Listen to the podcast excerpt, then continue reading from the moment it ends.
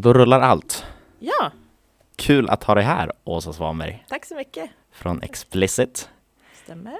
Säger ni explicit som när ni nämner hela koncernen eller säger ni explicit environment? Alltså Explicit är ju koncernnamnet. Och- Och sen jobbar jag i ett bolag som heter Explicit Environment. Ja, Som är ett av fyra bolag i koncernen. just det. Mm.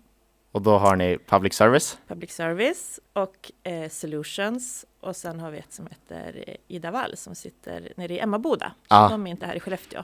Just det, Mm. så var det. Så är det. Mycket att hålla reda på. Ja, men det, det har alltid varit så, Ja. precis som jag sa. Att, nej, men jag, har, jag var och träffade er för första gången för drygt tre år sedan. Okej. Ehm, och sen har det hänt så otroligt mycket, dels Mm. liksom inom bolaget och, och mycket annat också. Mm. Men i vilket fall, jätteroligt att du tar dig tiden Mm. och eh, bara kommer och, och snackar helt enkelt. Jag tror att vi Mm. på det här sättet kan leverera extremt stora värden till dels arbetsgivare i stan men även privatpersoner som vill veta mer om vad det finns för möjligheter. Ja, kul. Men kan inte du bara börja med att berätta lite om vem du är? Ja, vem är jag? Jag heter Åsa Svanberg då. Ja. Eh, och jag är faktiskt eh, född och uppvuxen i Norsjö. Mhm. eh, in, in i landet här. Men eh, flyttade ju därifrån när jag var 18 och eh, ja, landade i Stockholm efter ett tag. Varför då? Som många andra. Ja, jag fick jobb där. Eh, Sökte du jobb från Norsjö?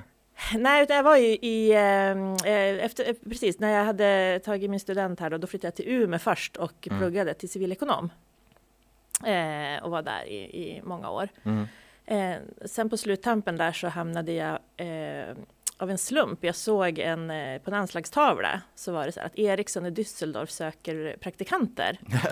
Okej. Eh, och då hade jag precis varit i England och varit på utbytesår och sådär och kände mig inte riktigt färdig med det här att resa och sådär. Så att jag eh, kontaktade dem på den där lappen och fick ju då komma till Düsseldorf som praktikant på ett Mm, Ericsson-bolag där. Och passade på att skriva min D-uppsats samtidigt. Så skulle man ju bli nyutexad och det här var då 2001, precis när det hade varit en väldigt stor IT-krasch. Mm, mm. Så det var inte så jättegott om jobb. så att det var lite så här, äh, okej, vad ska jag ta vägen här? Och då eh, kunde man söka jobb internt inom Ericsson Ja. eftersom jag var eh, på praktikant då. Och då fick jag ett jobb på Ericsson i Stockholm Mm, mm. eh, den vägen. Och, eh, Vad var det för jobb?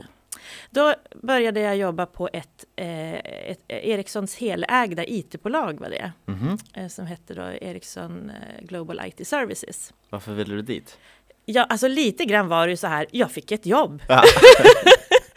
Det, var, alltså det är så svårt att fatta nu, eller vi får väl se vad som händer med det här coronaviruset, om vi kan hamna i ett lika dåligt läge, men det var ju svintufft som nyutexad att få jobb då, Ja. 2001. Och bara då att få börja jobba på Ericsson, som ju Mm. då var, du vet, nummer ett där alla ville jobba. Mm, mm. Eh, det här är så länge sedan alltså. Det Det här här är länge sedan, det var innan Google, innan Facebook, det är liksom nästan innan jag var född. Ja, nästan innan du var född Albin. Åh gud vad tragiskt. Men, men det var väldigt tuff arbetsmarknad Ja. och att då få jobb på Ericsson och eh, jag menar, få ett jobb och sen att det är på Ericsson. Det var ju så här, jag tar det. Mm, Så. Sen så eh, var det inte så att jag kände så här, åh vad jag brinner för, för stora IT-lösningar, att eh, göra eh, stordatordrift och var det så serverhallar och alltså fysiska länkar man skulle gräva ner i marken. Och, Okej. Alltså det var ju en helt annan värld. Ja, ja. Men det var otroligt lärorikt. Var det därför, åh, när, när vi var med i Venture Cup, Ja, du hjälpte ju till att skriva den pitchen ja det gjorde jag. som drog hem 50 000 åt mig. Och den Ja. började med, för 20 år sedan drömde Sveriges ungdomar om ett jobb på Ericsson. Ja, Idag vill istället vara femte bli. Youtube-stjärna. var, var det så vi skrev? Så var det. Ja. Jag har ju Du har ju memorerat den på ett Ja. helt annat sätt, men det är nog säkert därifrån det kommer. Ja. Att jag, det var ju så, och Ja. jag fick jobb på Ericsson. Snyggt. Då, men eh, som sagt, det var ju inte mitt drömjobb, det var det ju inte. Nej, nej. Men då var det, då kändes det bra. Ja, Absolut. kom in på arbetsmarknaden. Jag kom in på arbetsmarknaden och jag fick, det var otroligt lärorika Mm. år liksom. Lärde mig mycket om, jag jobbade ju som kundansvarig mot andra, eh, andra bolag inom Ericsson-koncernen. Mhm. Eh, Så att vi skapade IT-lösningar åt dem. Eh, Så bara det här att eh, hur jobbar man som kundansvarig, hur bygger man relationer, hur skriver man avtal, hur förhandlar man avtal, Hur jobbar jag mot leveransorganisationen och säkerställa att vi levererar enligt avtalet? Det känns som att alla Eh, borde kunna det där. Det känns som grunden i, Det är en allt. väldigt bra grund om man ska jobba med, med ja, kund, långa kundrelationer och Ja. försäljning. Liksom. Så att Mm. det var en bra skola på det sättet. Det var Mm. det. Absolut. Vad hände sen då? Nej men sen så alltså var det, det var ju tuff arbetsmarknad i några år och jag kände ju ganska snabbt att det där var ju inte stället jag skulle vara på liksom. Nej. Så, så att eh, efter två år så valde jag att säga upp mig Mhm. och hade ju kommit fram till att jag skulle typ bli reseledare och övervintra Okej. den här jobbiga perioden. Var du less på det kalla då? Här i Ja, Sverige? Ja, ja, precis. Jag tänkte att nu bara gör jag något helt annat ett tag och Ja. så när jobbmarknaden är bättre då kör vi igen. Mm. Men då fick jag ett, eh, ett jobb på Teracom, eh, Mobile Links hette det. Ja. Och så vart jag ändå så här, shit jag har ju ändå studieskulder, det kanske är bra att jag tar ansvar och liksom faktiskt tar det här jobbet nu då. Mm. Eh, och det var ju också jättekonstigt jobb, då sålde jag satellittid. Till Satellittid. satellittid. Jag sålde tid på satelliter eh, för livesända tv-program. Jaha. Ja. Så eh, till exempel eh, så var jag backstage med Lasse Berghagen på Jaha. Allsång på Skansen för då eh, på den tiden så hade man ju såna OB-bussar hette det som man då ställde ut vid eventet där Mm. man skulle ha sin livesändning. Och från den bussen så skickar man en signal till Kaknästornet, från Kaknästornet till satelliten och så satelliten ut Okej. i världen. Liksom. Ja. Funkar det fortfarande så? Alltså många ställen har ju idag eh, fysiska länkar, alltså att bredbandsnätet Mm, är ju så mm, utbyggt och man sänder liksom mm, eh, på, på, via internet istället. Eh, men då var det ju satelliterna, så att, eh, då köpte jag tid på Sirius till exempel. Så Mhm. köpte jag en timeslot på den och så sålde jag den vidare till SVT, Lite dyrare. lite dyrare. Låter som en bra affär. Ja, och sen så kunde man ju hänga med ut på jobben då och då valde man ju de roliga, typ Allsång på Skansen eller Lasse Ja. Berghagen och käka korv i kulissen där. Och de undrade nog vad det var för konstig tjej som sprang runt med en sån här part of the crew liksom. Ja. Alltså det var kul. Eh, Så då gjorde jag det. Det var ett vikariat. Eh, Så när det tog slut så eh, sökte jag ett jobb, fick jag jobb på ett bolag som heter Direktmedia. Eh, Mm. Och då kände jag att jag började landa rätt. Då började jag närma mig liksom reklambranschen där Ja. jag sen höll hus. I Stockholm var det. I Stockholm fortfarande. Mm, allt det här var i Stockholm.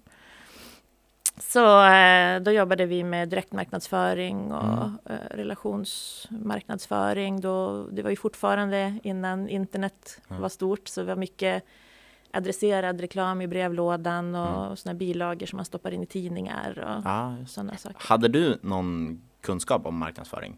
Alltså, Ja, jag hade ju läst på min civilekonomutbildning så hade jag ju läst eh, marknadsföring och eh, ledarskap Mm, som mm. mina inriktningar. Mm. Eh, men sen är det ju alltid så att när man väl kommer in och börjar jobba så får man ju börja från början. Mm, så mm. att eh, jag vet att mina första veckor så sorterade jag in tidningar i mappar för då hade de referensexemplar på massa tidningar. Och så skulle de där då vara i mappar i bokstavsordning. Och jag vet att jag kände, har jag läst i fyra, fem år eller vad det var för att sortera in tidningar i mappar.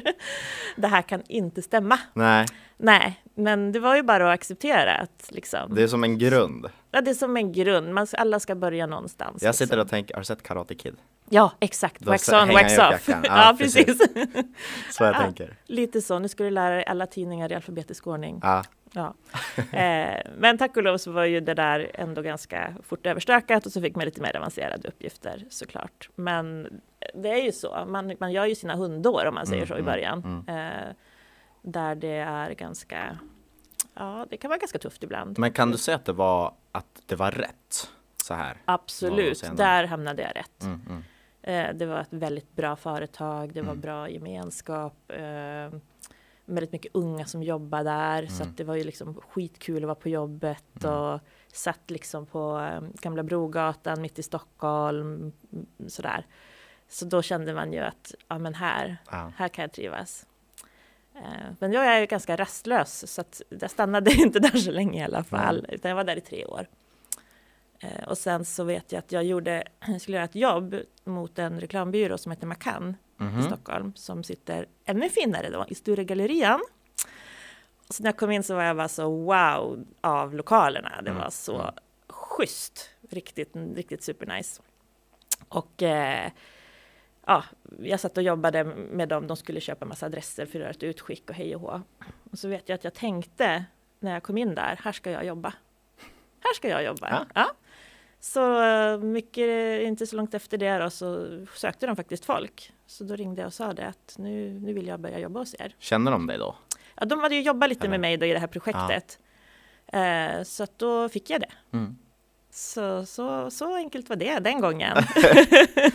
Till skillnad från jag ska bara ha ett jobb. Exakt. Nu är det mer så välja. Nu väljer jag. Ja. Ja. och det här, här vill jag vara. Här vill jag jobba. Eh, och då, då, eh, då kom jag in i liksom själva reklambyråkoncernen Mm, mm. då.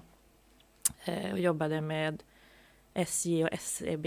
Okej. Som, som, Småbolag. Eller hur? Exakt. Det Så att där var, det var också otroligt lärorikt. Men då, då har du jobbat med småbolag och även stora bolag. Absolut. Mm. Vad tyckte du på den tiden var roligast? Ja, alltså egentligen så spelar det inte så himla stor roll har jag väl kommit fram till nu i efterhand för Mhm. att alla har ungefär samma utmaningar. Eh, och det är alltid en eller två personer som jag har relation med och som jag Mm. jobbar med. Mm, Det är bara mängden pengar som Ah. skiljer. Större budget. Det är större budget, men man har fortfarande samma utmaningar. Ja. Eh, och på sätt och vis, det kan ju låta skithäftigt att jobba med så SCB och SJ och så, men på sätt och vis är ju det mycket, mycket eh, svårare. För att den personen som jag pratar med har ju en intern beställare Mm, mm. som har en chef i sin tur. Så det blir så långa ledtider. Mm, och i, i kreativa, de här reklamprojekten kunde det vara ganska tajt med tid. Och att då liksom behöva hålla koll på att det ska godkännas i 50 led Mm, innan vi kan mm. köra ut en reklamkampanj för den ska Mm. gå över hela Sverige. Det blir ganska bökiga projekt. Tycker du om den här att eh, när man jobbar med stora bolag så syns det ju överallt. Alltså det Mm. syns precis som du säger över hela Mm. Sverige. Det är rätt häftigt. Det kunde ju vara lite coolt. Alltså vi var ju, jag var ju med i gruppen där som lanserade SJ Prio, SJs lojalitetsprogram, Mm. när det kom.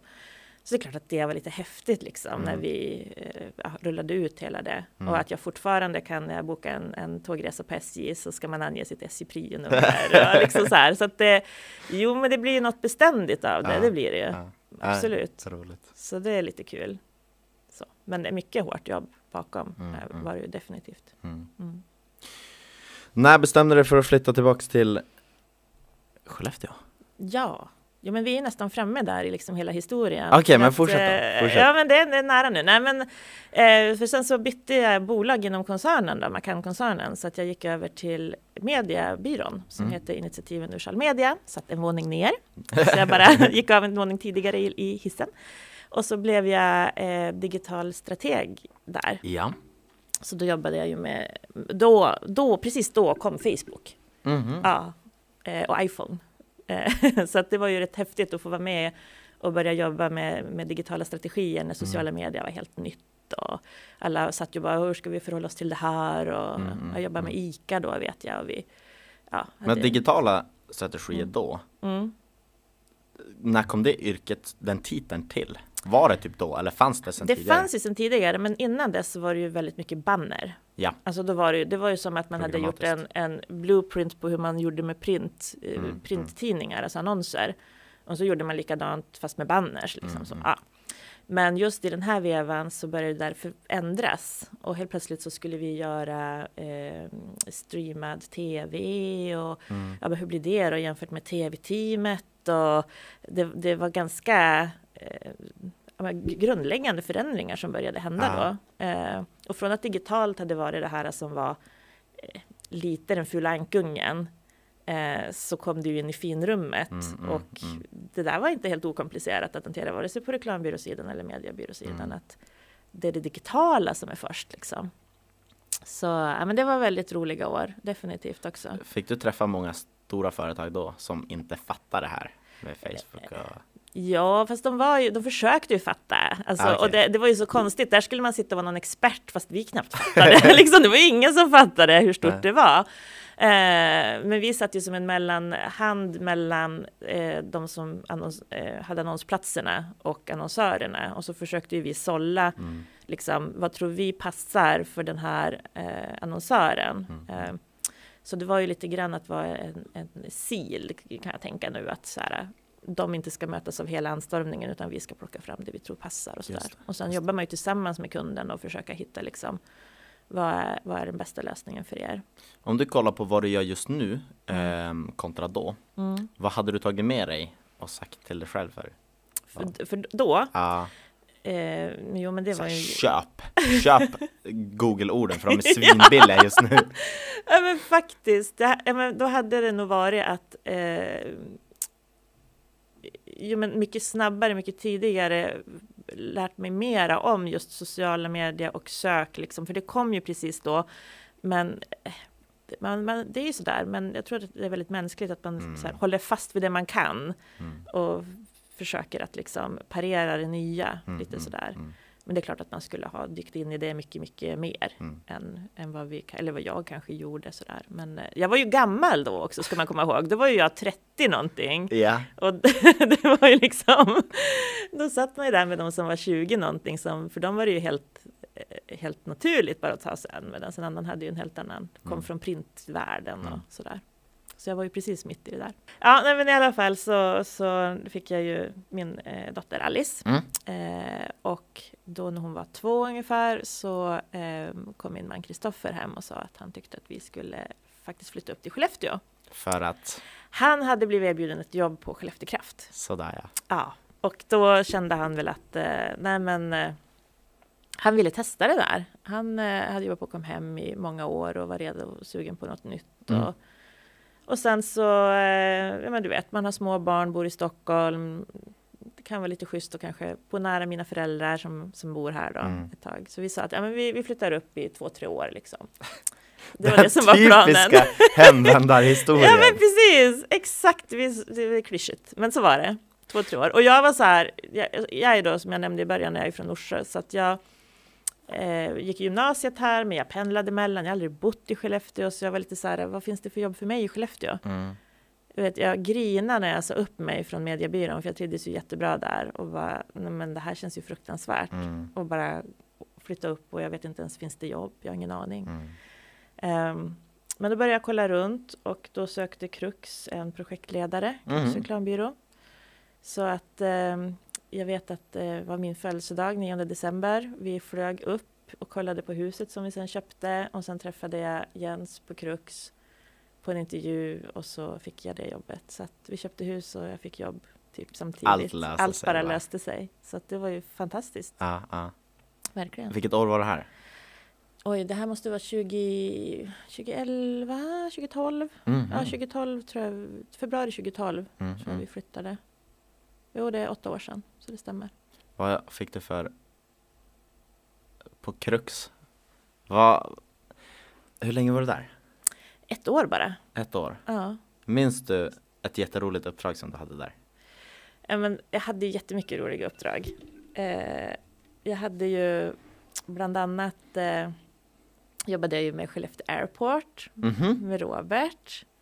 Och det var ju askul. Det, han är ju så otroligt härlig som person. Ja, ja. Eh, gjorde, ja, men, mycket, vi hade mycket galna idéer, sen realiserade vi inte alla. Men, men det var jättekul. Och sen jobbade jag mycket med Östersundshem faktiskt. Mhm. Eh, så var jag Östersund där. Och, eh, och det, det var då det slog mig första gången att det här är ju liksom kommunala verksamheter, de har inte samma budget som de grejerna jag Mm. gjort tidigare, men utmaningarna är ju ungefär de samma. Mm, mm, mm. Eh, och det handlar fortfarande om att man jobbar med människor och att Mm. det, det är mest avgörande för hur, hur roligt uppdraget blir eller hur, Mm, ja, mm. hur bra det blir faktiskt. Men någonstans handlar det också om att det märker man ju i alla säljsammanhang när man snackar Mm. med Skatteverket. Det är inte så att Skatteverket så försöker lura en, utan det är Mm. fortfarande människor Mm. som sitter på andra sidan. Exakt. Och kan man bara greppa det och förstå Ja. att ja, men, de flesta vill ju alltid allas Alla bästa. vill ju väl, ja men eller hur. Så det är så här, ja men klarar man den konsten så Ja, men kan man faktiskt. ta sig långt. Och det är väl en grej som man har blivit bättre på, tänker jag, med åldern också. Att eh, inte titta på att åh, det är det här företaget och den här titeln och Mm. den här liksom så här, utan att någonstans försöka hitta liksom hur ska vi Mm, jobba mm. tillsammans för att få ett så bra resultat som möjligt. Mm, mm, mm, Eh, då brukar det faktiskt bli bäst. mm. Efter Krux då? Ja, men du, då hamnade jag ju på Norran. Eh, för då gjorde vi, jag gjorde ett uppdrag åt, eh, åt Norran på Krux då. Och Ja. sen så tyckte de att jag skulle komma och jobba där istället. Och då hade jag ju varit så här i byråsvängen. Ja. Ja, men, nästan hela, hela livet. Så då kände jag, ja men det kanske är skönt att få testa vara på andra sidan. Mm. Eh, och göra någonting som är lite annorlunda också. Och då slog det mig ju första gången att det är ju lite häftigt att faktiskt vara i en lite mindre stad som Skellefteå för att här kan man få möjligheten att bredda sig. Att i Stockholm så var det så här, okej, ska jag byta jobb och göra något annat så är det förmodligen inom reklambranschen. Mm. Mm. För det var där man hade sitt nätverk, det var där man liksom eh, hade sin kompetensprofil på något sätt. Medan sen jag flyttade till Skellefteå har jag fått så sjukt roliga utmaningar Mhm. på ett sätt som jag kanske inte hade fått i Stockholm. Nej, just. Och just där att kliva över till Norran och där blev jag ju affärsutvecklingschef och ansvarade för hela det här liksom digitaliseringsprojektet Ja. med, med betallösningen på norran.se och Ja, det är samma sak det där. Det man ser i Norran idag, det är du. It's Och Åsa was here. Precis, nu kommer alla bara hata på mig för att man inte gillar att betala på nätet. Ja, men kom igen. Ja, nej, men det har ändrats mycket sedan dess också. Men, men det är klart att eh, vi la ju grunden för, Mm. för det som man ser idag. Mm. Och nu kommer det säkert bli ännu mer änd- ändringar i och med att man har ett annat ägande Mm, och sådär. mm. Men vi jobbade ju, det var också sådär att när jag kom in där så var det ett, ett digitaliseringsprojekt och det fanns en teknisk plattform som skulle implementeras och man behövde bygga om webben. Mm. Men ganska snabbt så insåg jag att det här är ju ett, ett kulturellt projekt. Mm. Att gå från att göra i första hand print för att sen lägga ut delar på nätet till att i första hand göra digitalt Ja. och sen se vad ska man ha i tidningen. Den mindsetförändringen, det var ju den vi verkligen behövde jobba med. Jobbar ni med mycket så konsulter som förstår sig på? För att alltså UX, det är ju Mm. en, det är typ magi. Det är så här, hur, hur kan man förstå hur en annan person Ja. agerar på internet kontra i en tidning? Ja. Alltså det, det, det här var ju också otroligt spännande tider för att det här var ju precis när webbsidor började bli responsiva. Ja, just det. Och det känns som att men det är väl en webbsida, den är ju responsiv. Den Mm. ändras ju om jag tittar på den på telefonen eller på, på datorskärmen så ändras ju hur man upplever, nej. Det, så var det ju inte Nej, före, före 20, det här är ju 2013, 14 någonting. Ja. Då gjorde Nu man den ju här. Ja, Zooma precis. in. Zooma in liksom. Ja. Så att vi var ju så här supertidigt ute med att bygga en responsiv webbsida Mm. eh, på nyanorran.se. Just det, just det. Eh, och när man bara tänker i de termerna så, så när du säger så här UX är viktigt, ja, vi var skitnöjda att vi hade en responsiv sida. Ja, ja. så det har ju hänt jättemycket sen, sen dess också och det är därför Det som är inte så länge sedan det är heller. inte så länge sedan. Det är helt Det är sjukt. liksom sex år sedan. Ja. Och, och nu är ju liksom användarupplevelsen är ju central Mm, mm, för den mm. digitala lösningen. Mm. Och så var det inte riktigt då. Men jag vet att på det, de, jag var där tre år och då hade vi ju en, en betallösning som, som vi hade köpt in som var liksom state of the art Mm. när jag började. När de tre åren var slut så kunde vi konstatera att den här betallösningen är för gammal. Nu är det liksom Klarna och ett klick och Mm, man mm, vill inte lämna massa uppgifter utan det ska gå att lösa med BankID. Och, mm, mm, mm. eh, så på de tre åren så hann det ju hända så fruktansvärt mycket. Du måste ha lärt dig hur mycket som helst. Jo, alltså det var ju fruktansvärt bra skola. Alltså, fruktansvärt! fruktansvärt! Betoning på fruktansvärt, det var väldigt mycket jobb. ja, ja. Men det var ju det var frukt, det var jätteroligt och det var alltså Norran har ju ett, fantastiska människor som jobbar där Mm, som mm. bara tog sig an utmaningen och eh, gjorde sitt allra yttersta. Mm, Och vi mm. gjorde säkert jättemånga fel på vägen också, men eh, ja men det fanns ju som inget, eller Fanns det inget- finns fortfarande inget rätt och det fel. finns inget facit, Nej. utan det är lite så här trial and error. Och vi försökte en hel massa Mm. olika saker, det gjorde vi. Men du ville hålla dig flytande och bara Mm. nya saker, nya, nya, nya saker. Men alltså jag märker ju en trend så här att det är ungefär tre år, sen händer Ja. det något, sen måste jag, sen måste jag vidare. så att efter de tre åren på Norran så då, då fick jag en fråga från Arctic Business Incubator av vi, där vi lärde känna varandra. Mm. Eh, om jag inte var intresserad då att eh, komma dit och då kände jag att nej men det är jag nog. Hur kom det till? För ni var ändå de första, när etablerade ni er i Skellefteå? Alltså det fanns ju innan jag började så var det ju Magnus Orregård Ja. eh, som var ABI i Skellefteå kan man Jaha. säga. Eh, det, var, det var han, det, hade det fanns ju andra också såklart, men Mm. när jag började så var det han och sen var det även Magnus Wiklund som Mm. då hade kommit in och eh, jobbade eh, där. Mm. Och sen så skulle Magnus eh, Oregård sluta Mm. och då fick jag eh, ta över hans tjänst. Du måste ha gjort ett bra intryck. Ja, men jag hoppas ju det. Det var, det var faktiskt, faktiskt en liten rolig historia. Jag hoppas Magnus är okej med att jag berättar den. Att eh, jag, jag och Magnus skulle sitta i den här juryn för Vinn ett aktiebolag Ja. eh, något år innan det här hände. Och då ja, men, pratade jag med Magnus och han berättade vad han gjorde. Och jag kommer ihåg att jag, jag sa till honom att men du, jag vill ju ha ditt jobb. Det där låter ju askul. Shit, vilket kul jobb du har. Och så var det inget mer med det. Och sen ett år senare ungefär så ringer han och bara, du sa ju till mig att du ville ha mitt jobb. Och jag tänkte att nu kan du få det. Så jag bara, ja, ja, det sa jag ju faktiskt och det tycker jag fortfarande. Och Ja. så, ja, sen var det ju en längre process, eh, process i det, liksom med rekryteringsfirma och eh, intervjuer och sådär. Men eh, Mm. det var otroligt, eh, eh, ja, det var roligt att han kom ihåg att jag Mm. hade sagt så. Mm.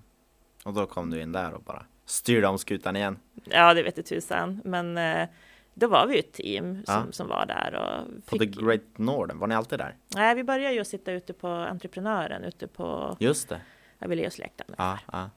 Eh, nej men och då, det var ju ett lyft liksom att få komma in till The Great Northern, Mm. fantastisk byggnad. Vi hade liksom ja, men bra resurser genom Smart tillväxt Mm, mm. eh, projektet som gjorde att vi kunde ha ett bra tryck i att fånga upp eh, nya idéer, Mm. nya innovatörer och eh, ja, fick upp liksom en bra rullians på det tycker jag. Och du, det känns som att du ändå kunde allting då, men då kommer det ytterligare en sak. Liksom nystartade bolag. Exakt. Det hade du inte jobbat med tidigare? Nej, Nej. det hade jag ju inte. Så det var ju bara att sätta sig i skolbänken igen och, och lära sig och Mm. lyssna på de kloka erfarna kollegorna som jag fick jobba med. Och, Vad tar du med dig från den tiden då? Eh, ja, men, när jag jobbade där, Mm. då kände jag ju så himla starkt att nu måste jag göra någonting själv. Jag, Ja, man blir så otroligt inspirerad av alla som man möter och som kommer in och som brinner och som har idéer och så kände jag så här, nej men nu är tiden, nu, är det min, nu ska jag göra någonting. Men jag hade ju ingen idé. Så det är lite värdelöst. Det är svårt att lyckas då kan man säga. Och sen det jag faktiskt också tog med mig, det, det är ju att det tar, det tar längre tid och det kostar mera pengar. Mm, mm, Eh, och man ska ha, man måste verkligen brinna för sin idé. mm, mm, Man måste ha den där uthålligheten. Eh, annars kommer det bli jättesvårt. mm, mm. Eh, För jag mötte ju många som kanske hade så här bra idéer och som provtryckte dem och det ser ut som att det kan hålla och allting. Men sen går de vidare till nästa idé. Ja, För det är den delen av processen som de brinner för. Mm, liksom mm, mm. Innovatören, Mm. idéskapandet. Men kanske inte det här att vara entreprenör. För det är ju Nej. något helt annat. absolut. Det är där du måste ha koll på, på eh, ha uthålligheten, se till att du har finansiering. Mm, mm, Eh, tro på din plan och verkligen jobba mot den stenhårt eh, och inte sluta fast det, det är motigt för det kommer vara motigt mm, liksom. Eh, så att, ja, så det, det tog jag väl också med mig att det är inte så bara utan det krävs något. Är det något bolag där som du jobbade med som finns kvar i dagsläget? Eh, ja, det är det ju absolut. Eh, jag jobbade ju lite grann med Mindforce Ja, eh, som ju finns idag. Jag jobbade lite grann med också Once Upon okej. som eh, ju går som tåget. Ja, Eh, det kan man säga. Det kan man säga. Så att, eh, men du vet, vi var ju, jobbade med, väl kanske att ta i också, vi, vi var ju mer ett stöd, Mm. ett sätt att eh, bolla idéer, hitta riktning, Mm, den tidiga mm. finansieringen, få den på plats, eh, eh, just liksom lite grann kring affärsmodelleringen och sådär. Eh, så det är ju absolut entreprenörerna själva som, som gör sin resa, Mm, men det mm. var jättekul att få vara med på ett hörn och Mm. Och putta framåt och eller Ja, som det- i ditt fall jobba med, med en pitch eller, Eller vad det hur? kan vara. Ja. Det är ofta de små sakerna som också gör stor skillnad också. ja. Alltså även om ni kanske bara precis som du säger med på ett litet hörn. Mm. Men det gör jättemycket att kunna få hjälp av er Mm. liksom mer erfarna personer inom området. Och då skulle jag säga, jag fick ju träffa eh, Johan Mm. och Magnus Mm. eh, och fick berätta det här på engelska tror jag det var. Mm. Jag tog, jag skolkade från skolan då och fick träffa dem. Ja. Eh, och bara liksom att de gav mig möjligheten att hjälpa till. Bara Ja. liksom bolla idéer gjorde ju allt. Mm. Alltså jag visste inte annars vars, vars jag skulle vända mig, då kanske det här inte hade varit något. Nej, Så. nej, men, nej men precis, och det jag tycker är så himla fint med den här inkubatorsverksamheten, Mm. att eh, man behöver det där stödet för att våga tro på sin idé och Mm. våga ha uthålligheten och, och också till viss del eh, liksom nätverk, för nätverk är ju superviktigt Mm, när man är en mm. tidig entreprenör, att hitta rätt personer, få rätt stöd, hitta investerare, Mm, Eh, och det, det tror jag ju, det vet jag ju att inkubatorsverksamheten kan absolut Mm. hjälpa till med. Och bygga team är ju också en superviktig parameter, att man, man liksom verkligen omger sig med, med rätt personer och Mm. när man själv inte orkar att man har med sig folk som kan dra istället. Absolut. För så kommer det vara över tid, det kommer vara tyngre i, ibland. Ja. Mm. Ja, Mm. och sen då? För en dag, då var du bara försvunnen. Precis, var kontoret tomt igen. Eh, nej men d- hur det nu var så kände jag väl en liten längtan att ta mig ut i verkligheten igen om man Mm. får säga så. Det är jättekul att vara, vara med på det där hörnet och, och stötta och hjälpa till men till sist så blir man lite trött på sin egen röst och rita på en whiteboard. Eh, och kände att nej, men nu vill jag ut och, Mm. och vara i en verksamhet. Och då hade jag väl strött omkring mig den här idén om att jag var sugen på att göra någonting eget. Mm. Och då eh, fick jag kontakt med Explicit Environment då. För att förverkliga din egen idé. Nej, inte för att förverkliga, för, de, för jag hade ju ingen egen idé. Men de var så här, kom hit, jobba här, du får köra racet. Det är liksom, det är inte ditt egna, men du får köra det som att det är ditt egna. Mm. Vi kommer backa dig, bara, du vet. Det finns ett grymt team här Mm, som mm. behöver någon som kan, Från nätverket. ja men och som kan få, behöver liksom hitta drivet igen. Mm, mm. eh, få ja, förvalta kundbasen och också utveckla affären helt Mm. enkelt. Och då hade ju du den grunden också i, Mm. alltså i det stora hela så det skulle som inte bli något problem tänker jag. Nej, och det kändes ju som, eh, alltså min enda farhåga där var ju att det här är en helt annan bransch som jag inte alls har varit i närheten av tidigare. Alltså det var ju verk, det, var, det här var faktiskt det läskigaste hoppet jag har gjort för att att eh, alltså, vi pratar om kemikaliehantering Mm. i stora industrier. Det, det, jag är inte kemist, jag, jag är inte arbetsmiljövetare. Det är Mm. liksom långt ifrån min comfort zone. Mm, mm. Eh, Men samtidigt kanske det var det som lockade också, för jag gillar ju liksom att hoppa in i saker som jag inte kan och, Mm. och förstå dem och lära mig och sådär. Mm. Så att, Men explicit då? Ja. Kan du förklara explicit group? ja, det kan jag. Det är ju eh, det som sam- håller samman bolagen i koncernen, det är ju att man rör sig inom IT, Mm. eh, IT-branschen. Eh, bolaget som jag är på, Environment, vi jobbar alltså med ett kemikaliehanteringssystem som heter Kemsoft. Som avrenar företag? ja, men precis. I alla fall försöker eh, minimera riskerna med att företag måste ha kemikalier. Ja, ja. Eh, för det är ju så att eh, har du en, en in- industriell process eh, så behöver du ha kemikalier på ett eller annat sätt eh, i verksamheten och eh, då vill man ju försöka minimera hur många farliga kemikalier man har. Mm. Och måste man ha farliga kemikalier, ja men då ska man i alla fall använda dem på ett säkert sätt. Så det här systemet, det är egentligen bara ett sätt att hålla koll på vilka kemikalier man har och sen kan man också i systemet då riskbedöma dem och få fram information om vilken skyddsutrustning behöver jag ha när jag hanterar den här kemikalien och så Mhm. vidare. Hur funkar det? Ja, det här, nu, nu finns det ett långt svar på Ja. den här frågan. Men eh, som det funkar idag så är det så att om en av våra kunder eh, ska ta in en ny kemikalie i sin verksamhet, då skickar de en ansökan i det här systemet Mhm. om att vi vill ta in den här, det här limmet till exempel. Och eh, skickar de med, alla kemiska produkter måste ha ett säkerhetsdatablad som beskriver kemikaliens egenskaper och hur Mm. farlig den är och så. Och då går den till eh, ofta en av våra konsulter Mm. som tittar på den och jämför dem mot olika restriktionslistor som finns, eh, både företagets egna eh, restriktioner men också alla lagar och regler som finns både på Sverige och EU-nivå. Och så gör man ett utlåtande i systemet om man får ta in den eller inte. Kan det vara så, då ger ni ja, nej eller det här? Kan du ta det här istället? Ja men faktiskt precis, att ja, men vi ser att ni använder redan de här limmerna i er verksamhet. Istället för att ta in ytterligare en så kanske ni kan använda något av det ni redan har. Eh, Eller att eh, okej, vi fattar, ni måste ha det här limmet för den här eh, maskinen Mm. eh, kräver exakt det här limmet. Men då behöver ni ha den här skyddsutrustningen Mm. och eh, ni får inte vara, vistas i lokalen om, om man är gravid eller det kan finnas massa olika restriktioner. Så det hjälper vi till med. Det är en värld som inte många förstår kan jag tänka mig. Alltså så här, Nej. det är un under ytan. Det är under ytan. Eh, och jag menar, jag brukar säga det att som innan jag började på, eller jag har alltid kan jag väl säga, jobbat i företag där det, det farligaste jag har mött är en handtvål på toan liksom. Jag har ju aldrig varit i en Nej. verksamhet där det har varit så farliga kemikalier. Nej. Så för mig var det ju liksom, men hur farligt kan det vara? Ja.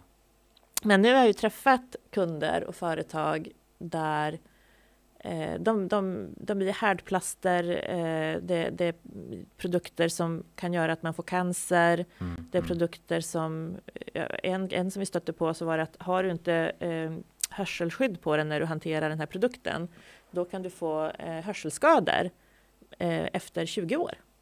Okej. Eh, för att, om du vistas i en bullrig miljö och sådär. Ah, Eh, och i det fallet, så de som hanterade den där produkten och var i en bullrig miljö, de hade inte hörselkåpor. Mhm. För de hade inte förstått det genom att bara läsa säkerhetsdatabladet själv. Sådär. Så att då var det en riktig aha-upplevelse att fattar. vi behöver hem och fixa det, annars kan vi bli döva när Ja. vi är 70 år. Liksom. Men det är environment, eller är det allt? Det är environment, det är där jag är. Ja. Sen har vi då eh, Solutions Ja. och det är ett mer renodlat IT-bolag. De eh, har IT-konsulter som sitter eh, hos många andra företag här i Skellefteå. Mm. Eh, och de har också ett, jag måste stänga den där. Sorry. Mig inte på. Nej, men Solutions, de har IT-konsulter som eh, finns eh, uthyrda hos många olika företag här i Skellefteå. Och sen har de ett system som heter Adoxa som Mhm. är ett bokningssystem som, eh, som en motor. Om man ska ha ett företag som gör mycket bokningar Ja. eh, så, så finns det här då som en motor för att hantera hela den där logistiken.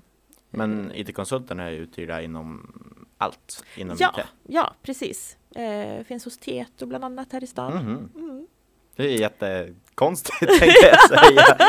Ni är fortfarande ett, ett bolag men att Ja, Ja. precis. Att man både hyr ut och sen har man en egen produkt Ja. och så gör man jobb in-house. Eh, du kan så. göra intern karriär. Eller hur? Nej, men sen har vi också då eh, public service och de har eh, två system. Mm. Ett som heter Värna och ett som heter Interbooko. Och det har jag markerat en anteckning här. Mm. Programvaror till kommuner. Ja, precis. Alltså egenanpassat. Och det är ju främst eh, Interbooko och Värna Ja. som har det. Värna är ett system för gode män att hantera sina uppdrag i och Interbooko är också då ett bokningssystem för typ gympahallar och badhus och Mm, mm, mm. sådär. Eh, men om vi kollar på eh, explicit environment. Mm. Vilka är era typiska kunder? Typiska kunden för Environment det är ju ett större företag Mm. ehm, som är kemikalieintensivt. Ja. Och det hittar man ju ofta inom processindustri. Eh, vi har mycket gruvföretag, eh, bilföretag, eh, inom skog, pappersmassa. Ja. Eh, och ofta är det också eh, företag som har en global närvaro Mm. så att de finns utanför Sveriges gränser. Eh, för, och det bygger väldigt mycket på det här systemet Chemsoft som vi har, att det är väldigt optimerat och anpassat för att hantera stora mängder kemikalier Ja. och komplexiteten i en stor organisation. Att du har många, många sajter, många avdelningar Mm, mm. eh, och så vidare. Så det är väl det som gör oss lite unika också, att vi, vi ehm, Häftiga kunder. Ja, vi har många häftiga kunder. Jag vet inte hur många jag kan nämna vid namn. Nej. Det är lite hemligt ibland. Men eh, eh, tänk stora svenska bilföretag. Ja. Eh, till exempel. Eh, nej, men så stora globala eh, mm. företag men med svensk basis och kemikalieintensiva. Där Vad, har du för roll i det hela som konsultchef? Det är, det är ju en, det är en spännande roll. Mm. Eh, för dels är det så att vi har ju systemet men sen har vi då ett gäng kemikaliespecialister som då jobbar med systemnära tjänster skulle jag kunna säga. Just där att vi, vi hjälper företag att granska då kemikalier innan man tar in dem i verksamheten eller att riskbedöma dem för att Mm. folk på golvet ska veta hur man ska använda kemikalien. Eh, men de håller också väldigt mycket utbildningar inom kemikalieområdet. Eh, så att i dagsläget har vi tio kemikaliespecialister Ja. Eh, och de är jag då chef över. Men sen så är det ju en, en bredare roll än så. Jag jobbar ju väldigt mycket och nära eh, kunderna i att jag både säkerställa att de är nöjda med, Mm. med leveransen av systemet och med våra tjänster, men också i produktutvecklingen. Av, vi håller precis nu på att lansera nästa generation av Kemsoft. Mhm. Eh, och då kommer vi in på det vi började här med UX och användarupplevelse. Att nu blir det ett system som, som kommer att kännas betydligt mer modernt, mer intuitivt. Eh, den gamla plattformen har några år på nacken och det, Mm. det händer så pass mycket att nu måste vi, vi lansera en helt ny. Så det är en superspännande tid Mm, mm. att, att jobba på Environment. Att nu har vi det här nya systemet på gång och eh, handlar mycket om produktutveckling också. Eh, Tror du det är därför som era kunder väljer er och liksom inte era konkurrenter? För att Mm. ni, ni upprätthåller och uppdaterar och den vägen? Eller? Men det hoppas jag verkligen. Att det, det och det är ju så, det finns ju givetvis en konkurrens på marknaden, men vi är ganska unika i den positionen som vi har tagit just mot de här stora företagen och att vi, vi eh, försöker vässa oss och bli, bli ännu bättre för dem. Mm, mm, mm. Eh, sen har vi såklart eh, mindre företag eh, som kunder också, men de är fortfarande kemikalieintensiva. Ja, Det är ja. liksom en genomgående trend. Hur många är ni totalt då? Explicit. Ja, frågar du koncernen eller bolaget Environment? Kör eh, environment först. Environment först. Eh, nej men då är det så här att vi är ju i själva environmentbolaget är vi nog typ 13 personer, men då har vi outsourcat en hel del av vårt Ja. arbete. På grund Så av att- att det finns inte kompetens eller Ja, men enklare? dels så, så tidigare så hade vi ju att i, i det här systemet så ska ju alla säkerhetsdatablad på alla kemikalier finnas. Mm, mm. Så tidigare så hade vi ett gäng här i Skellefteå som satt och registrerade databladen i systemet. Men det håller inte riktigt av kostnadsskäl Nej, att göra det i. Sverige. Så att det ligger liksom ute i Europa Ja. nu. Så då har vi ju ett gäng som sitter i Serbien och gör det faktiskt. Mhm. Eh, och sen så har vi också eh, kundsupport och sådana saker outsourcade för att det blir mer kostnadseffektivt. Mm, vi, vi har inte beläggning att ha det in-house utan vi måste dela den på andra företag. Mm. Eh, så av den anledningen så har vi en hel del outsourcat. Så räknar man totala liksom, kraften människor som går in i att leverera den här tjänsten så är vi nog kanske ett, ett 40-tal. Mm. Eh, Medan vi i själva bolaget är 13. Ja, Okej. fattar, Mm. fattar. Vad är det för olika typer av yrken då? Ja, det är ganska, det, det är ett tajt gäng som är kvar i environment-kärnan här Mm. liksom. Och då är det ju kemikaliespecialisterna som, eh, som eh, sitter här i Skellefteå och jag har också personal i Malmö och Göteborg. Ja, Eh, och då är det ju kemister, eh, eller att man kommer från arbetsmiljöhåll, Mm, att mm. man, eh, eller miljö, mm. att man har läst eh, inom det och så får man ju lära sig mer om kemidelen på plats. Mm, mm. Eh, Så det är sällan jag hittar folk som är så här klockrena att de har både kemikunskapen och arbets. Så att Enkelt. vi får lära upp ganska mycket internt när Ja, man börjar. Eh, det. Så. Men vi har fantastiska medarbetare som har eh, både bred och djup kompetens inom Mm. det här ändå ganska smala området. Eh, Så ja, det är ett riktigt bra gäng och tanken är ju att vi ska växa. Mm. Eh, Så att vi tänker ju att eh, inom en femårsperiod kunna vara det, det dubbla, 2024 eller 25? 25. 25. Att vi är en, eh, ja, nu är vi väl 10 konsulter så att vi Mm. då är 20 stycken om fem år. Spridda över Sverige givetvis. Mm. Så inte bara i Skellefteå. Men... Och då snubblar vi in på kompetensförsörjningsfrågan. Ja, Fortfarande mitt favoritämne. såklart. Hur, eh, hur känner du av det i din nuvarande roll? Mm. Alltså det här är ju en svår kompetens att hitta liksom. Mm. Det, det är ju det. Ehm, och det, det jag letar efter det är ju personer som kanske har jobbat som eh, arbetsmiljökoordinator på ett företag eller miljökoordinator. Ehm, och gärna att man har någon typ av, att man har jobbat med just kemikalierna på sin arbetsplats. Ja. Eh, att man har jobbat med att göra riskbedömningar av, av kemikalier och sådär. Men hur- hur går det till när ni ska hitta sådana personer då? Ja, jag eh, har LinkedIn trakasserat människor eh, och försökt hitta själv Mm, så mm. eftersom det är, eh, vi har jobbat också med rekryteringsföretag. Mm. Givetvis har vi testat det. Ehm, och sen så har vi provat med annonsering och massa Mm. olika. Men det är, det är, väldigt, det är så otroligt spetsig kompetens. Så det är lite, lite svårt att hitta sådär. Men eh, ja, eh, vi försöker på alla dem. Man vill ju gärna hitta någon som är 25 med 10 års erfarenhet. Exakt. Har jag fått höra. Precis. Och då också när vi pratar liksom lokalt, det är många företag Mm. som man vill ju inte börja skapa den här kannibalismen, ta Nej. av varann heller. Nej. Men jag förstår att det kanske inte finns så många alls. Nej, det finns inte så många alls här och, och som sagt var eh, nu har jag haft turen och liksom hittat eh, Mm. några riktiga stjärnor som har Mm. också velat komma och börja hos oss här i Skellefteå och det är ju till viss del att jag bara har pratat om det, att jag har Mm. behovet och så har folk tipsat och så Mm, följer man mm. upp de tipsen och Mm, såklart. lite såklart. sådär. Ehm, Men eh, ja, vi får se då. Om Mm. vi ska hålla den här tillväxttakten så behöver vi kanske ha en annan strategi för hur Mm. vi rekryterar också framgent. Fattar. Vad tror du kompetensbristen beror på? Eh, ja, det är en väldigt bra fråga. Jag kan väl säga så här att vi har ju rekryterat en del nere i Malmö och då har vi faktiskt hittat personer som är nyutexade Mm. från eh, utbildning i Lund och de har ju funkat jättebra och blivit jättebra liksom. Mm. Så. Eh, så det kan ju dels vara att här uppe att vi inte kanske har exakt den utbildningen Nej, i närområdet som passar bra för det här jobbet. Eh, men sen så, så tror jag ju också att eh, när jag har LinkedIn trakasserat folk så har jag ju märkt att man eh, generellt sett trivs väldigt bra där man är. Ja, Man kanske sitter hos någon av de stora arbetsgivarna Mm. här i Skellefteå och har det bra och trivs bra och då är det ju man har inte tänkt tanken på att byta ens en nej, nej, nej. Så den tanken är ganska långt ifrån. Men hur funkar det om ni ska ta in en ny exa då? Mm. Man måste ju lära sig väldigt mycket. Yes. Är det något som ni har alltså, tänkt att ja, men det, så, så, så kommer det måste vara?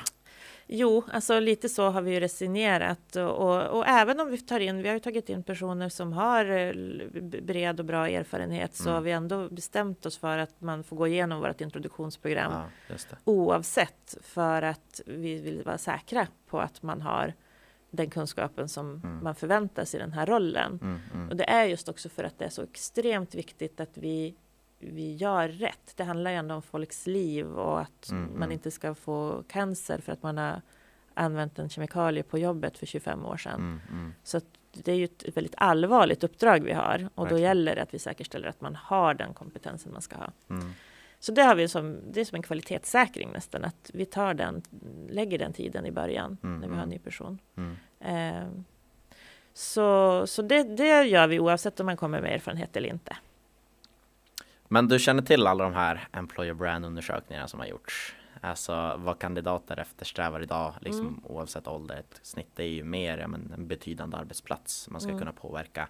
Företaget får gärna ge tillbaka till samhället. Mm, Eh, och jag ska inte säga inte längre, mm, liksom lönen. Det, det har ju såklart en stor påverkan också. såklart. Men det, det är många andra betydande roller som, som verkar mycket mer. Mm. Hur jobbar ni till exempel med flexibilitet? Mm, Alltså det är en väldigt bra fråga. balansen. Alltså vi, vi, vi är ju så speciella för att vi är ju vi är fyra personer i Skellefteå. Vi är fem i Malmö och tre i Göteborg. Mm. Eh, vilket gör att vi sitter ju hela tiden på Teams och Ja. har möten. Eh, vilket också betyder att man har en stor flexibilitet i vart man vill sitta och jobba. Mm. Mm. Eh, jag har en medarbetare som kommer från Stockholm så hon är uppe hos sina föräldrar titt som tätt så kan hon sitta och jobba därifrån. Jag har andra medarbetare som eh, väljer att sitta hemma en dag i veckan Mm. eh, Mm. för att de har kanske lång resväg till jobbet. Det är helt okej. Eh, så att vi är ju extremt flexibla i vart man väljer att sitta och göra sitt arbete, Mm, skulle mm. jag säga. Det här är den, den arbetsplatsen jag varit på där det har varit mest generöst med just det. Ja, Och det är ju för att vi redan idag befinner oss otroligt mycket online. Våra kunder är spridda över Sverige. Vi har, vi har Teamsmöten Mm. hela tiden varje dag. Ja, det funkar bra. Det funkar skitbra. Ja. Det gör det. Eh, men det är också, från början tyckte jag det var jättejobbigt. Jag är ju van att ha, liksom, sitta i möte med Ja, folk man vill ju och så här. träffa någon. Man vill ju träffa någon, ja men eller hur? Så från början så var jag så här, åh vad, vad deppigt att jag Ja. ska sitta här och vi hade inte ens igång videokamerorna, man hörde bara rösten och liksom, nej. Men sen vänjer man sig Ja, och sen så funkar det faktiskt jättebra. det blir allt mer mobilt också. Det blir ju det. Och det kommer vi se efter nu, den här coronakrisen också. Jag tror att många fler kommer Ja. ha blivit betydligt Och det kan man ju säga nu med coronan så här att, att det var någon som sa det att ja, men ni är ju, det är ju fusk, ni är ju redan vana. så det är väl något som är positivt att jo, vi är redan vana, vi Ja. är jättevana. För oss är det ingen stor, stor skillnad Nej. så. Är det du som ändå har typ närmast till jobbet eftersom du bor här uppe i Skellefteå? Precis, alltså jag har ju en medarbetare som har ännu närmare till jobbet än vad jag har. Okej, så det, som man bor får väldigt inte, nära. inte locka hit dem upp till Skellefteå. Nej, här, här har jag nära till jobbet. Här är vi nära till jobbet. Ja, nej, men eh, jag försöker faktiskt. Eh, vi har en rolig grej nu i och med coronan här och att alla sitter hemma i mer eller mindre just nu. Ja, just. Så kände jag att det här blir ju jättetråkigt att inte ens fika Nej. med folk. Så att nu har vi infört tre fika online och då får man turas om och berätta om sig själv, Ja. visa några powerpoint om sin historia och sin familj och sen får man slå igång sin webbkamera och visa runt i sitt hem. Jaha, Så att vi får hälsa på hemma hos varandra. Eh, och det är faktiskt eh, jättemysigt nu när vi eh, sitter så här långt ifrån varandra. Några av mina medarbetare har ju inte ens träffats i verkligheten än, för de är så pass nyanställda. Så då tänkte vi att ja, men vi tar tillfället i akt och lär känna varandra lite bättre. bra tips. Ja, det är ett bra tips att Ja. köra lite online-fika och Mm.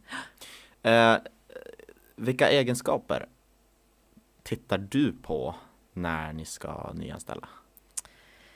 Ja, dels så i och med att vi har den här strukturen med att vi, vi sitter på tre olika orter, vi har kunderna spridda över Sverige, så är det otroligt viktigt att man är ansvarstagande. Mm.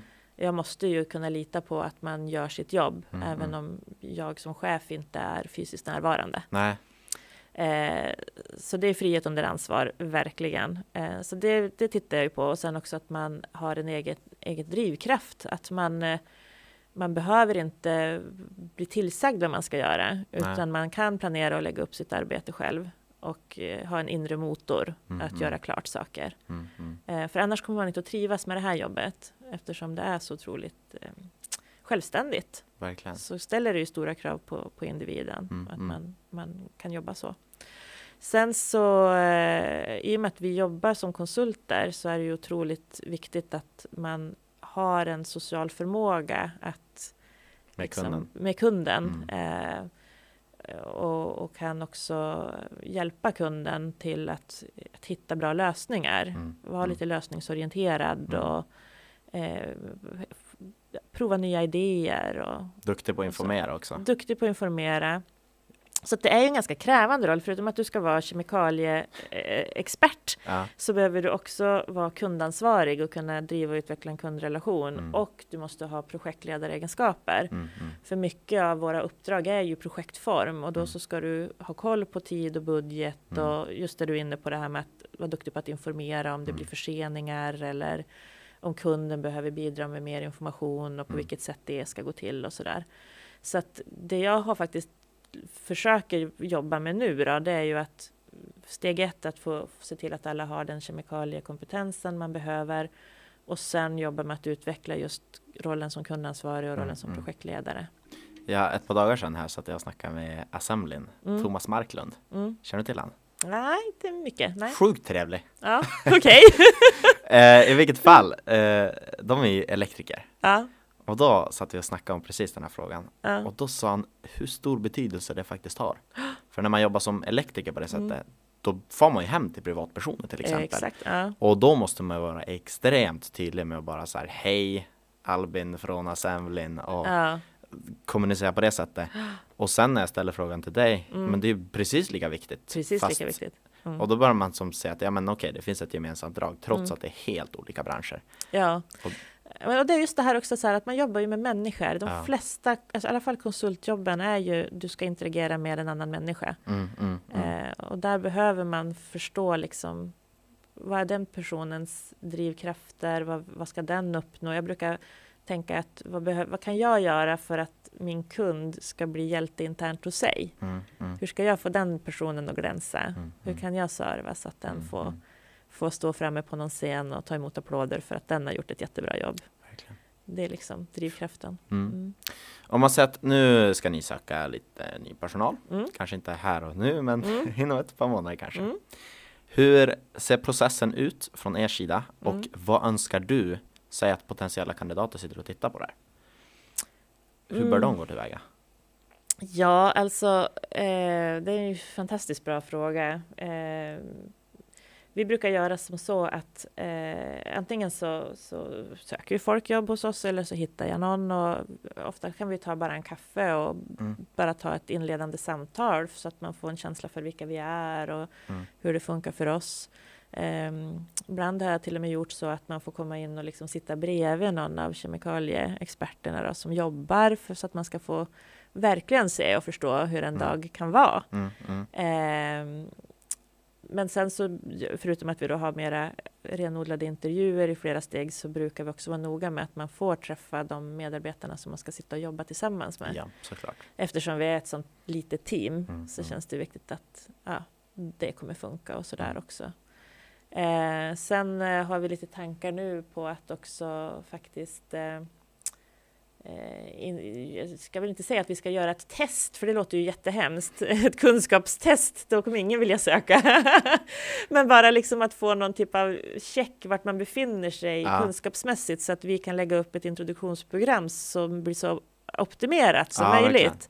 För vi vet att alla kommer inte att komma in med exakt rätt kunskap och då, ju snabbare vi kan pinpointa vilka pusselbitar man saknar, Mm, desto bättre kan vi ju hjälpa personen igång. mm, mm, Så det håller vi också nu på att titta på hur vi ska eh, förbättra rekryteringsprocessen med. mm.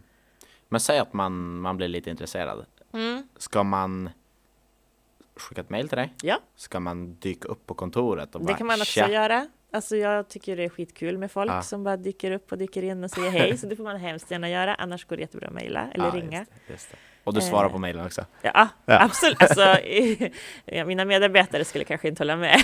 men, men här och nu säger jag ja, absolut. Jättesnabbt går det. Ja. Ja. Jag fattar, fattar. Eh, nu sitter inte ni jättemånga på plats. Men vad, vad är det som gör att ni liksom är en bra arbetsgivare rent generellt? Vad, finns det några, vad är det för fördelar att jobba med er? Jättebra fråga. Alltså, jag kan säga så här, nu, jag har ju haft ett antal jobb. Ja. Eh, jag har ju berättat om några här för dig idag. Jag har inte berättat om alla ens. Det, fan, det finns fler. Okej. så att jag har ju jag har haft, varit på, på väldigt många olika ställen. Ja. Och det jag kan säga om Explicit, som jag nog inte riktigt har upplevt förut, det är att det är sån otroligt familjär stämning. Alltså, Mhm. Alla brukar ju säga det. Men här kan jag verkligen känna det som att, att det är som en liten familj som man, man Mm. kommer till. Mm, mm, Eh, och det är väldigt, eh, väldigt mänskligt, eller vad jag ska säga. Så här, man får prova tankar, man får göra fel, man får det högt i tak eh, och det är väldigt, eh, väldigt varm känsla mm, mm. eh, att jobba där. Eh, så det, det gör, för mig betyder det jättemycket Ja. att, för att jag ska trivas. Fattar. Och det är väldigt, väldigt trevliga människor. Ja. Mm. Ja men det, det är ofta kollegorna, har jag hört. Ja, Jag, det jag har inte så mycket det. kollegor här på Nej, kontoret. så du skulle behöva jobba lite på den. eller hur, eller hur? Men det, kollegorna är jätteviktigt Ja. eh, för trivsel, det, Mm. det tycker jag. Mm. Och, och det finns det. Och sen finns det ju det finns ju ett gäng som du vet, de spelar paddel och det Mm. finns personalförening som har köpt in så här Oculus Rift-glasögon Jaha. som man får låna hem och testa. Och, Ja. alltså det finns otroligt mycket grejer som, som kan vara kul Mm, att mm. som medarbetare ta del av. Eh, men förutom, förutom de bitarna så tycker jag ju också att det är eh, ett, eh, nu är det ju tre eller fyra olika bolag i koncernen, så det beror ju lite vad man har för eh, inriktning. Men jag är rätt övertygad om att i alla bolag så finns det stort utrymme att Mm. påverka sitt arbete. Mm. Eh, som, I alla fall mina medarbetare, de lägger ju fritt upp sina uppdrag, eh, vad de ska göra den här dagen, Mm. eh, hög grad av självstyre och eh, ja, Frihet och ansvar. Frihet och ansvar i väldigt hög grad, så är det. Kul. Mm. Jag brukar alltid avrunda med en personlig fråga. Mhm. Nu har du bott här i Skellefteå i nio år. Ja, åtta, nio, ja, något sånt. Mm. Vad är det bästa med att bo här? Alltså det är faktiskt så himla mycket. Ja. Eh, som sagt, när vi flyttade hit skulle vi bo i två, tre år. Nu har vi bott i om det åtta eller nio år, tappat Ja. räkningen och vi kommer inte flytta härifrån. Eh, alltså, jag, jag tycker hela livsstilen är ju så himla härlig. Eh, att min dotter har 50 meter till skolan. Mm. Överallt jag ska åka så är det bara fyra minuter. Mm. Jag är aldrig sen, typ. Fast jag är en obotlig tidsoptimist. Okej, lite sen.